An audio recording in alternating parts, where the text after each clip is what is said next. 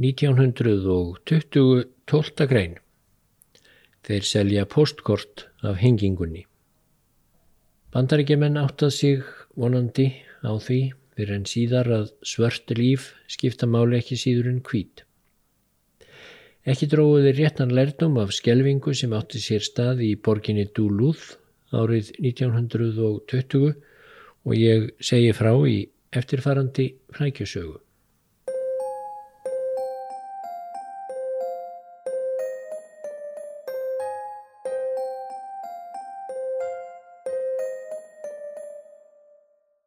Það var heilmikið um að vera í Duluth í Minnesota mánundaginn 14. júni 1920. Hinn vinsæli sirkus John Robinsons var komin í bæin með sína viðfrægu fíla og ljón, auk trúða og annara skemmtikrafta af mannkynni. Síðdeis fór sirkuslistamennir í göngu eftir aðalgötunni og var það mikið sjónarspil. Jamt íbúar sem aðkomumenn fögnuðu mjög en Duluth er heilmikil Hafnarborg við vötnin miklu og þar er jafnan fjöldi sjómanna af skipum sem koma til að flytja burt yðnvarning og timpur. Um kvöldið þá var svo síning í stóru tjaldi sem sirkusfólkið hafði reist í skemmtigarði í bænum. Þangað kom fjöldi fólks og þar hittust meðal annars og hafðu samflott þau Irene Tusken 19 ára og James Sullivan 18 ára. Þetta voru venjulegir krakkar af venjulegu fólki. Töskan var hraðrittari, dóttir postburðarmanns en Söllivan var að klára skóla og var jáfnframt báta eftirlitsmaður á útskipunar bryggju fyrir járningríti þar sem fadir hans var tilsjónarmaður á nóttunni. Kvöldið var myllt og fagurt. Það var létt yfir öllum og unga fólkið hreifst af sprellandi fímum sirkuslistamönnum og dýrum. Þegar síningunni laug, laust fyrir klukkan tíu, dokuðu Tösken og Söllivan við um stund og fylgdust með þegar verkamenn og handlangarar sirkusins byrjuði að ganga frá dýrabúrunum. Þessir verkamenn voru að yfirgnæfandi meirhluta svartir og hörund. Svo var það um þrjúleitið aðfaranótt þriðjudagsins að fadir Söllivans ringdi í lögreglustjóran í bænum sem Murphy hétt og sað honum eftirfarandi sögu. Þar sem þau Töskan og Sullivan hafðu verið við sirkusinn kvöldið áður hafðu skindilega stíið fram sex svartir verkamenn og eitt þeirra ógnaði Sullivan með skambissu. Sex menningarnir dróðu unga fólkið bak við runna í nákrenninu og þar nöðguðu allir mennirnir Ærín Tösken hver á fættur öðrum. Síðan var parinu sleft. Tösken fór heim til sín, mætti þangaður endar seint og sagði ekki frá neinu en fór fljótlega að sofa. Söllivan fór hins vegar til vinnu sinnar við höfnina en vakt hans hófst þar um miðnætti. Þar var fadir hans einnig við störf og um tvörleitið um nóttina sagði pilturinn pappa sínum frá nöðgunninni. Þá ringdi Sullivan eldri fyrst í föður Töskans og síðan í Murphy lauruglustjóra. Þegar Ærín Töskan var vakinn staðfesti hún aðspurð að sér hefði verið nöðgað af sexmenningunum svörtu. Murphy bráð þá við skjótt. Hann dreif sig niður á játbreytarstöð þar sem starfsfólk sirkusins var að hlaða varningi sínum upp í lest áður en haldið skildi til næstu borgar Virginíu sem er 100 km fyrir norðan Dúlúð. Murphy smalaði saman þeim 13 svörtu verkamönnum sem á staðnum voru og mun síðan hafa beðið Sullivan að bera kennsla á sexmenningana. Sullivan átti erfitt með það því það var dimt og þeir líta allir eins út eins og hann komst að orði um svörtu verkamennina. Hann upplýsti líka að hann hefði alls ekki séð framann í sumamennina til dæmis ekki þann sem helt skambissu við nakka hans mest allan tíman. Egið síður hann tók Murphy að lokum sex svarta verkamenn og fór með þá á lauruglustöðunni í Dúlúð þar sem fangilsi bæjarins var einnig til húsa þeir voru lokaður þar enni hver í sínum klefa. Blaðamenn síðdegisblaðsins Dúlúð Tribune komist fljótt á snóður um málið. Í frétt þeirra sem byrtist síðar um daginn Þá sagði að eftir strángar yfirherslur eins og það er orðað þar sem verkamennir höfðu verið látnir svitna Þá hafi þrýr þeirra játað að hafa tekið þátt í að nauðka töskun. Þeir þrýr eru svo nafngrendir í fréttinni. Þessi frétt er þó mjög vafasum, vægast sagt. Að minnstakosti sagði aldrei neitt meira af hjáttningum innmitt þessara þreminninga sem Dúluð Tribjún hafði nefnt til sögunar. Og allavega virðist Murphy lauruglumadur hafa sannfæst um að enn vantaði eitthvað og hann stökði upp í bíl á samt helstu aðstóðarmönnum sínum og lagði af stað norður til Virginíu. Þangað var Sirkus Robinsons nú komin. Murphy og félagar smöluðu saman tíu svartum matsveinum og verkamönnum til viðbótar og fluttuðu áleiðist til Duluth til yfirheyslu. Þetta tók allt tíman sinn og degi var mjög tekið að halla þegar Murphy mætti aftur með fengsinn til Duluth. En þar hafði sannarlega mikið gengið á. Frettin um nöðgunna hafði flóið um allt eftir að Duluth Tribune kom út síðdegis. Í frettblaðsins kom ekkert annað fram en að nöðgunnin væri óvíafengjanleg staðrind og fangarnir á laurglustöðinni væru sekir þó þess verður reyndar getið að einn fangana þrætti ákaft fyrir aðvild sína. Bæði í fyrirsögn og teksta var vakinn sérstök aðtikli á því að sagbortningar væru svartir menn. Í Dúlúð byggu um fjögur til 500 svertingjar. Flestir unnu lálaunastörf en fáeinir höfðu aflaðið sér mentunar. Einn af tannlæknum Dúlúð var til dæmis svartur og hörund. Allir svartir menn í bænum vissu strax hvað til síns friðar herði. Nú mátti búast við aftökum án doms og laga, jafnvel í þessum friðsæla bæ í norðrinu. Og þeir lokuðu sig inni og földu sig eftir bestu getu. Óttin var ekki ástæðu laus, mikil heift fórum samfélagið í dúlúð.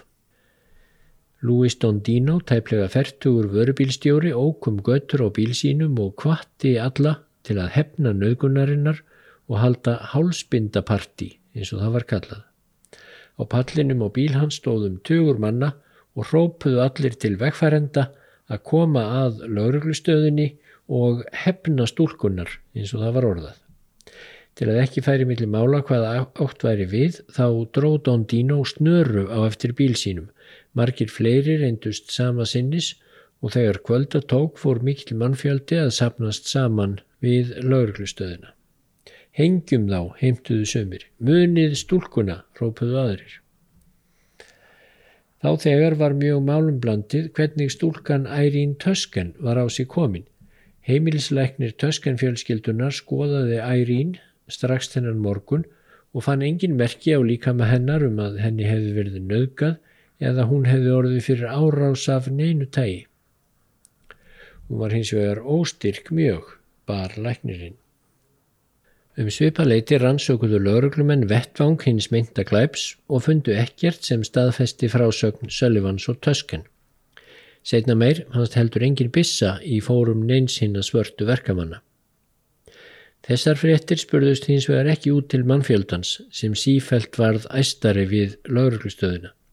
Þvert á móti gengur þar sögur um að Ærín Tösken veri mjög ítla haldinn og við dauðan stýr eftir hrottalega naukun hinna svörtu sexmenninga.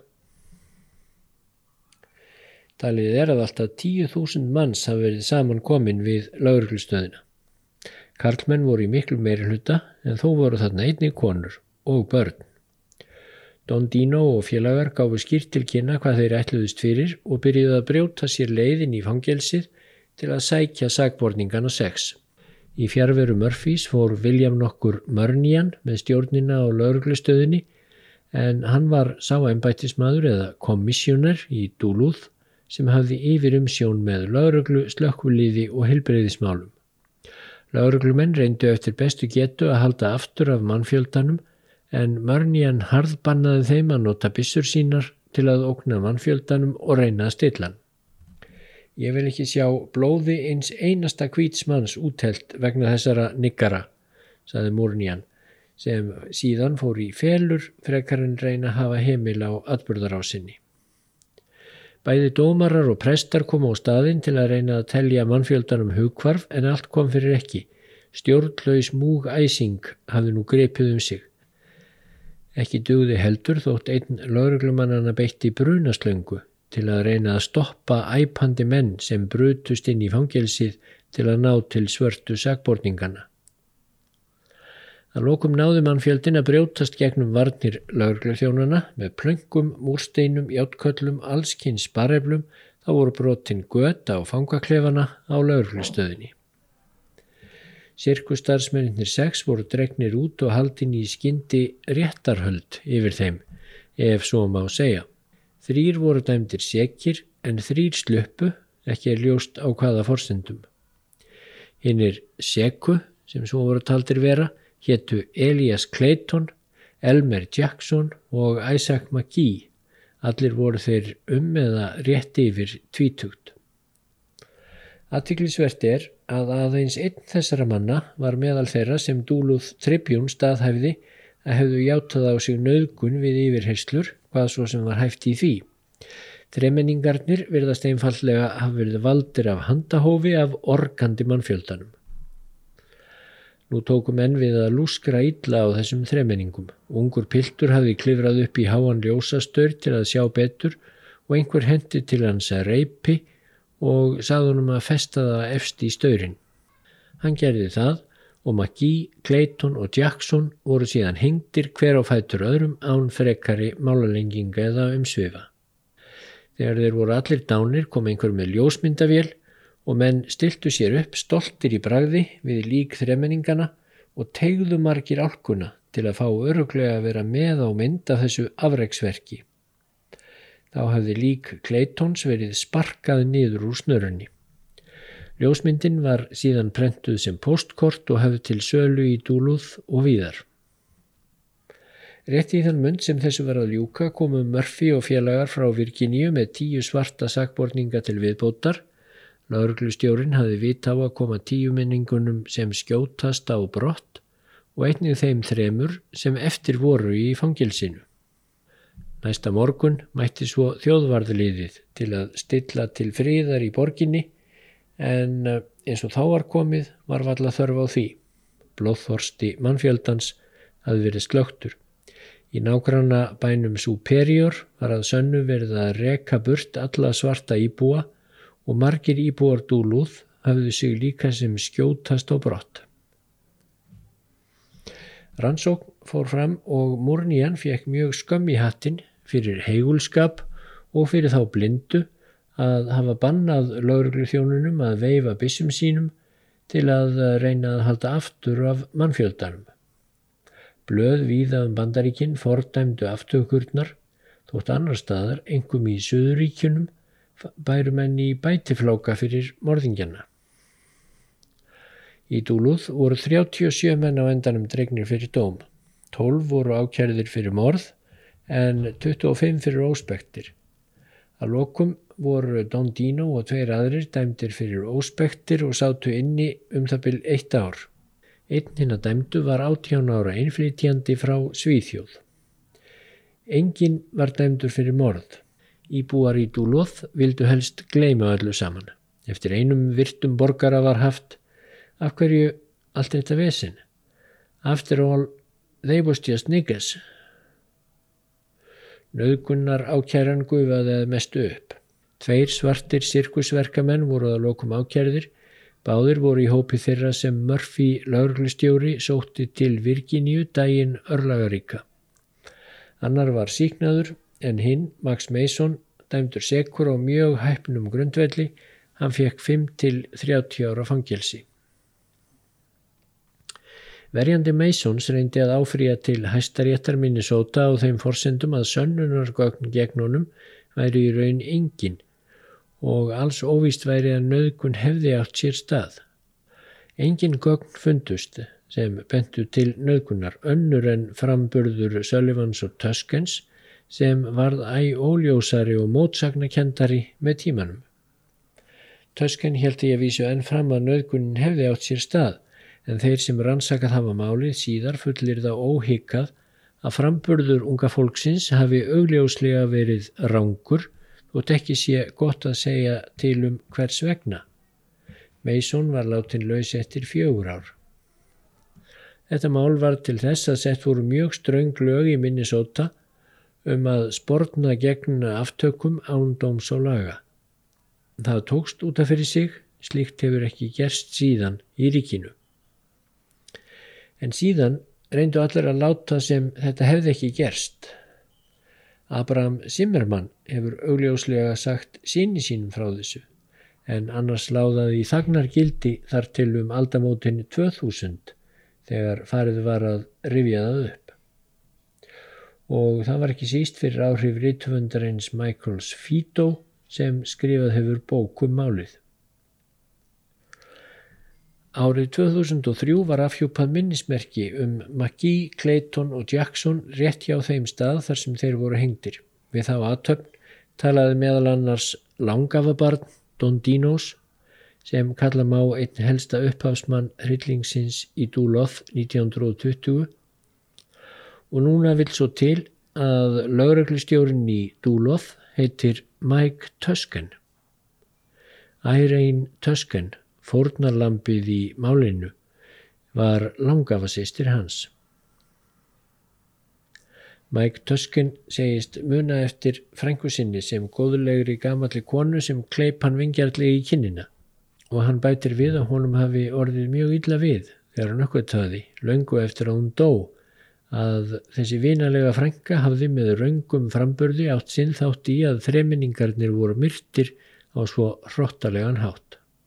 Rétt er að geta þess að svartir íbúar í Dúlóð þeir hafa ekki kvartað undan framferði lauruglunar undir stjórn Mike Tuskin. En hver var þessi Abraham Zimmermann sem ég nefndi á þann? Og hvað kemur hann málunni við? Jú, árið 1920 bjó nýjára gammal piltur örskamt frá þeim stað þar sem þremenningarnir í Dúlóð voru hengtir. Hann hétt Abraham Zimmermann og 20 árum setna bjó hann enn í borginni Dúlúð og egnaðist þá sónin Robert, Robert Zimmermann. Sá fór setna að kalla sig Bob Dylan, gerðist söngvaskáld og eitt af frægustu lögum hans, Desolation Row frá árinu 1965, byrjar augljóslega á æskuminningum Abrams föður hans. They're selling postcards of the hanging They're painting the passports brown. The beauty parlor is filled with sailors. The circus is in town. They're selling postcards of the hanging. They're painting the passports brown. The beauty parlor is filled with sailors. The circus is in town. Frau 1889 til 1918 er vitað um 3224 sem teknir voru af lífi án dóms og laga í bandaríkinum. Eflaust voru fórnarlömpin þó tölvert fleiri. 79% fórnarlampana voru svört á hörund.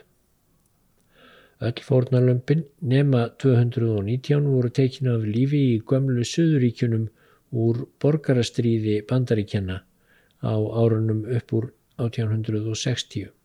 Aftökurnar voru flestar rétt eftir að borgarastríðinu lauk 1865 en færðust svo aftur í aukana upp úr 1915 eftir að rasista samtökin Ku Klux Klan gengu í endur nýjun lífdaga ekki síst eftir jákvæða umfjöllun sem þau samtök fengu í stórmyndinni Birth of a Nation eftir D2 Griffith. Í allri söguminni sóta er vitað um 20 einstaklinga sem teknir voru af lífi án dómsólaga. Flestir þeirra voru indjánar en einning fá einir kvítir menn. Árið 1918 var finnin okkur til dæmis tjargaður, fyrraður og hengtur vegna þess að hann vildi ekki ganga í bandaríska herin og berjast í heimstyrjöldinni. Þeir Clayton, Jackson og McGee eru einu svörtumennirnir sem teknir voru af lífi ándóms og laga í Minnesota.